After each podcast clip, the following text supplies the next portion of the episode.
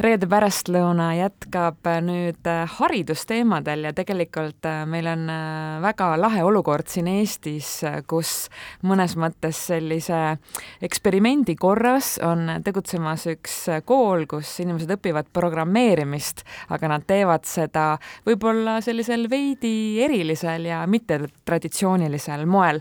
ja meil on nüüd selle kooli kaks direktorit stuudios, tere tulemast Kood Jõhvi koolist, Karin Künnapas ja Elle-Mari Papel-Näks, tere tulemast Kukusse! tere, tere.!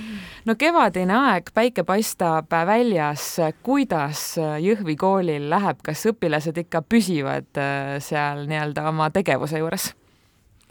eks see suvine aeg on alati kõikide inimeste jaoks, ma arvan, põnev, et iga te tegevust on igal pool, aga meie juures äh, tundub küll, et praegu kogukond on üsna elav, et äh, me ka omalt poolt pakume erinevaid sündmusi õppijatele, et see nädal oli meil hästi vinge üritus, kus äh, me kutsusime oma koostööpartnerid ja meie õppijad siis kokku, kus toimus selline karjääripäev, nii et rahvas oli, või tähendab, maja oli rahvast täis, kakssada inimest koha peal ning kogu aeg selline suur network networking ja, ja suhtlus käis. kas töökohti juba nii-öelda ametlikult äh, jagati ja saadi?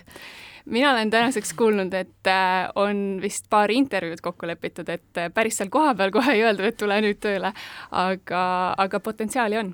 kuulge, see on üsna tavatu, kuidas te jagate omavahel, Karin, kaks direktorit, kuidas, kuidas see rollijaotus on? kes on peadirektor? Me oleme mõlemad peadirektorid, et tegelikult, mis minu ja Elle taustalugu on see, et me enne koodi Jõhviga liitumist oleme koos töötanud, me töötasime ligi kolm aastat koos mm. ja siis sealt tuli ka see otsus, et võiks koos kandideerida. et me teadsime, et meil koostöö sobib tahame üksteisega suhelda, saame hästi läbi ja siis äh, nii hakkasime koodi Jõhvit juhtima ja tegelikult meil on nagu valdkonnad ära jagatud, et ongi teada niisuguseid tugevusi, nõrkuseid, et vastavalt sellele ja samuti on alati olemas teine inimene, kellega asju põrgata. nii et kui on hea päev, kui on halb päev, see on ikka nagu teine partner on olemas. oota, ma astun korra sammu tagasi. Te ühesõnaga läksitegi, lõite jalaga nii-öelda ukse lahti, ütlesite, et me oleme, tuleme koos või, või me ei tule üldse? täpselt nii. põhiliselt äh, kui, kui otsiti koolijuhti, siis see oli Ellemari mõte, et võiks koos kandideerida kommenteerida ja siis saatsime kirja, et eh, me nüüd koos tuleme ja teeme ära. jah, ja ega intervjuudel seal pidevalt uuriti ka, et miks ikka kahekesti, kas te eraldi ei tuleks ja me olime ikka võtnud oma seisukoha, selge seisukoha, et koos. kas te põhimõtteliselt eh, võiksite soovitada ka teistele organisatsioonidele, et eh, kaks on parem kui üks? Seda me oleme eelnevalt ka arutanud siin erinevate inimestega ning äh, see oleneb väga palju organisatsioonist. et ma arvan, et Code Jõhvi puhul tekkis see olukord, et äh, tegemist oli nii-öelda ähm, ettevõtmisega, mis nõudiski väga palju tööd kohe algusest peale, et meil oli raha, tähendab, need tähtajad olid päris kõvasti nagu surusid peale ning kahekesi jõuabki palju-palju rohkem teha. pluss praegu on olnud, me oleme kuulnud erinevaid uuring, uuringuid kaasjuhtimise koha pealt ning hästi põnev on see, et räägitakse, et läbipõlemist esineb palju vähem, kui on kaasjuhid, sellepärast et sa suudadki seda koormust nagu jagada ja ka õppimiskiirus on palju võimsam, sest sa peegeldad hästi kõvasti mm -hmm. oma kaasjuhi inim-, poole pealt, et et me kindlasti saame kinnitada neid asju, et need, see tõesti on lahe juhtimis, juhtimisstiil.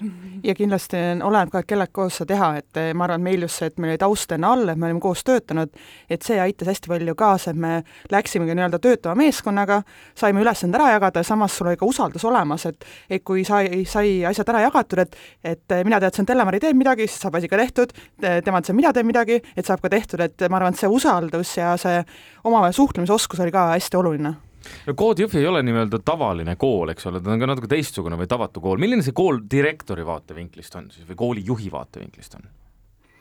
Ütleme nii, et igav meil ei hakka et tegelikult on natukene selline äh, startup-ilik, et meil on hästi palju sellist äh, katsetamist ja proovimist, et muidugi õppeprogrammi alus on olemas, aga kõik see, mis me kooli ümber ehitame, et meil ei ole sellist mudelit, mis me puhtalt ümbert võtame.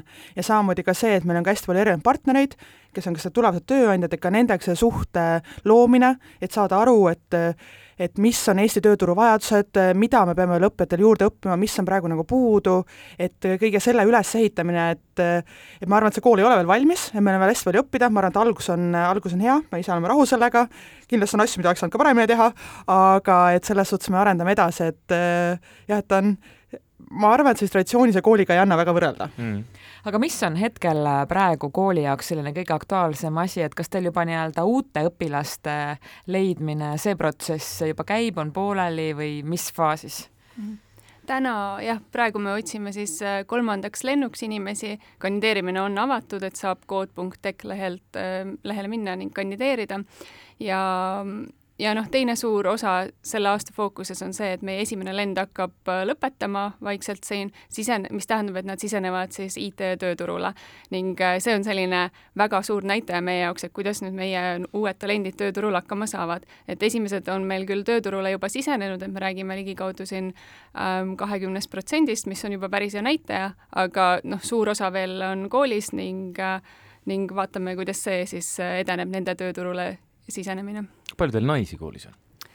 Ligikaudu protsendi poolest jääb see kolmekümne ringi. aga võiks olla suurem? võiks olla suurem, et jah, et äh, meil meeskond on huvitavalt, on rohkem naisi meeskonnas kui mehi, aga õppijate koha pealt see protsent juba teise lennuga kasvas, aga kindlasti on ka eesmärke, mida me tahame suurendada, et just ongi julgustada ka rohkem naisi tulema IT-valdkonda, et mm, -hmm. et ei ole mingeid põhjuseid, miks nad ei peaks tulema mm,. kas see sõnum ei jõua siis kuidagi veel kohale jätkuvalt või siis, siis meil on see Eestis üleüldine probleem?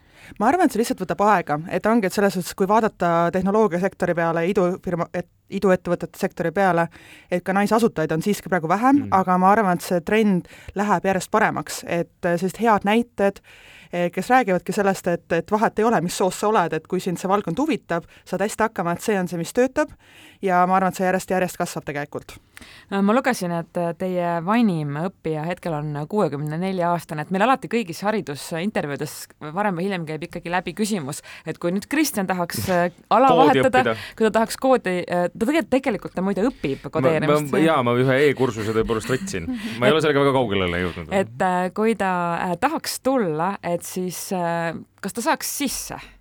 no ta peab see sõltub meie... minust, ma saan aru juba, aga ja meil on selline natuke teistsugune ka sisseastumisprotsess, et tegelikult esimene samm ongi minna meie kodulehele, mida jälle mainis, et kood.tech, äh, et esimene on selline pooleteisttunnine mäng, mis ei testi su koodimisoskuseid, vaid testib loogilist mõtlemist.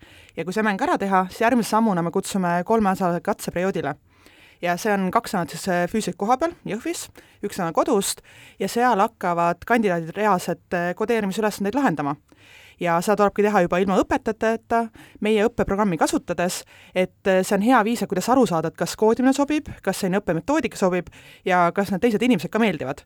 et tegelikult selle kolme nädalaga saab juba praktilisi oskuseid ja siis selle järel meie saame siis parimad õppijad välja valida, kes kooli vastu võetakse, aga kindlasti ma soovin proovida, kandideerida.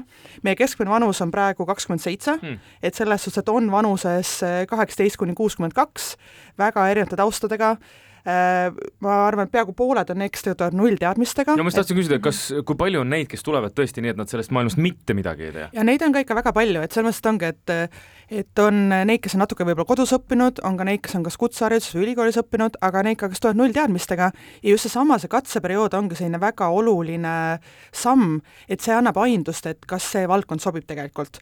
et kui, kui õppijad tulevad kooli, siis nad juba teavad, kuidas nad õpivad, kellega nad õpivad ja mida nad õpivad. no ja mul on ka see üks küsimus, mida vist ei saa küsimata jätta, kuigi see ilmselt äh, eeldab pikemat arutelu, aga kui palju on juba mõjutanud või hakkab mõjutama teie õppeprotsessi see, et äh, ai on tegemas seda, mida ta on tegemas? me me teame, et see kindlasti mõjutab, et me näeme ka seda, et õppijad kindlasti katsetavad, mängivad, mis on tegelikult positiivne, sest äh, ma arvan, et üleüldiselt peaks võtma seda tänapäeval ikkagi nagu abivahendina, mitte siis, et aa, et äh, see tuleb ja võtab kõik tööd eest ära, mis on see, käib pidevalt mm -hmm. läbi juttudes. ehk siis äh, praegu on ikkagi äh,, see on nii-öelda abivahend, ehk et inimesed saavad katsetada sellega oma koode ja proovida, aga üks asi on kindel, et ta tihtipeale ta ei anna ikkagi õiget vastust, et tuleb üle kontrollida ja noh, suur teema on sellega, et kellele need andmed siis kuuluvad muidugi, et kui sa sinna sisestad oma, oma asju, et äh, siis need, sa võid mingid andmed seal edasi anda kolmandatele osapooltele, kellele sa ei plaaninud, et äh, eks ikka tuleb uute asjadega ettevaatlik olla, aga ma arvan, et see on pigem nagu, me näeme pigem selliseid võimalusi, mida see annab ja ega keegi ei tea, see areneb nii kiiresti, et homme võime hoopis teisest teemast juba rääkida siin.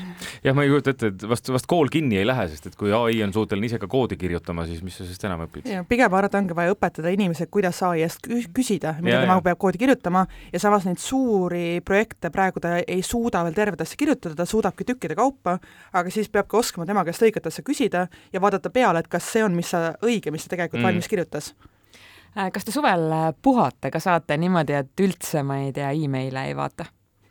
proovime. See on plaan, jah. Väga hea, ma loodan, et see õnnestub ka, praegu on nii ilusad ilmad väljas, nii et Eh, et lõpetuseks siis veel kord, kui keegi tõesti tunneb huvi, siis praegu on see hetk, kui eh, tuleks Codejõhvi poole pöörduda ja endast märku anda, et ma tahaksin sinna kooli saada, jah? täpselt, et nii meie kodulehe kaudu kui ka vaadata näiteks meie sotsiaalmeediat, et ma arvan, nii meie Instagram kui Facebook annab ka sellise hea ülevaate, milline see koolielu päriselt on ja kui huvi on, siis kandideerida. esimene katseperiood, mis algab mai lõpus, see on juba täis, aga meil on järgmised kaks tükki plaanis suvel ja üks ka novembris, et kindlasti, kui huvi on, Äh, kandi-, kandideerige, mängige see mäng, tulge katsetele ja siis loodetavasti kohtume Koodi Jõhvis. aitäh tulemast meile täna külla, Karin Künnapas ja Elle-Mari Pappel-Näks ja jõudu! aitäh! aitäh!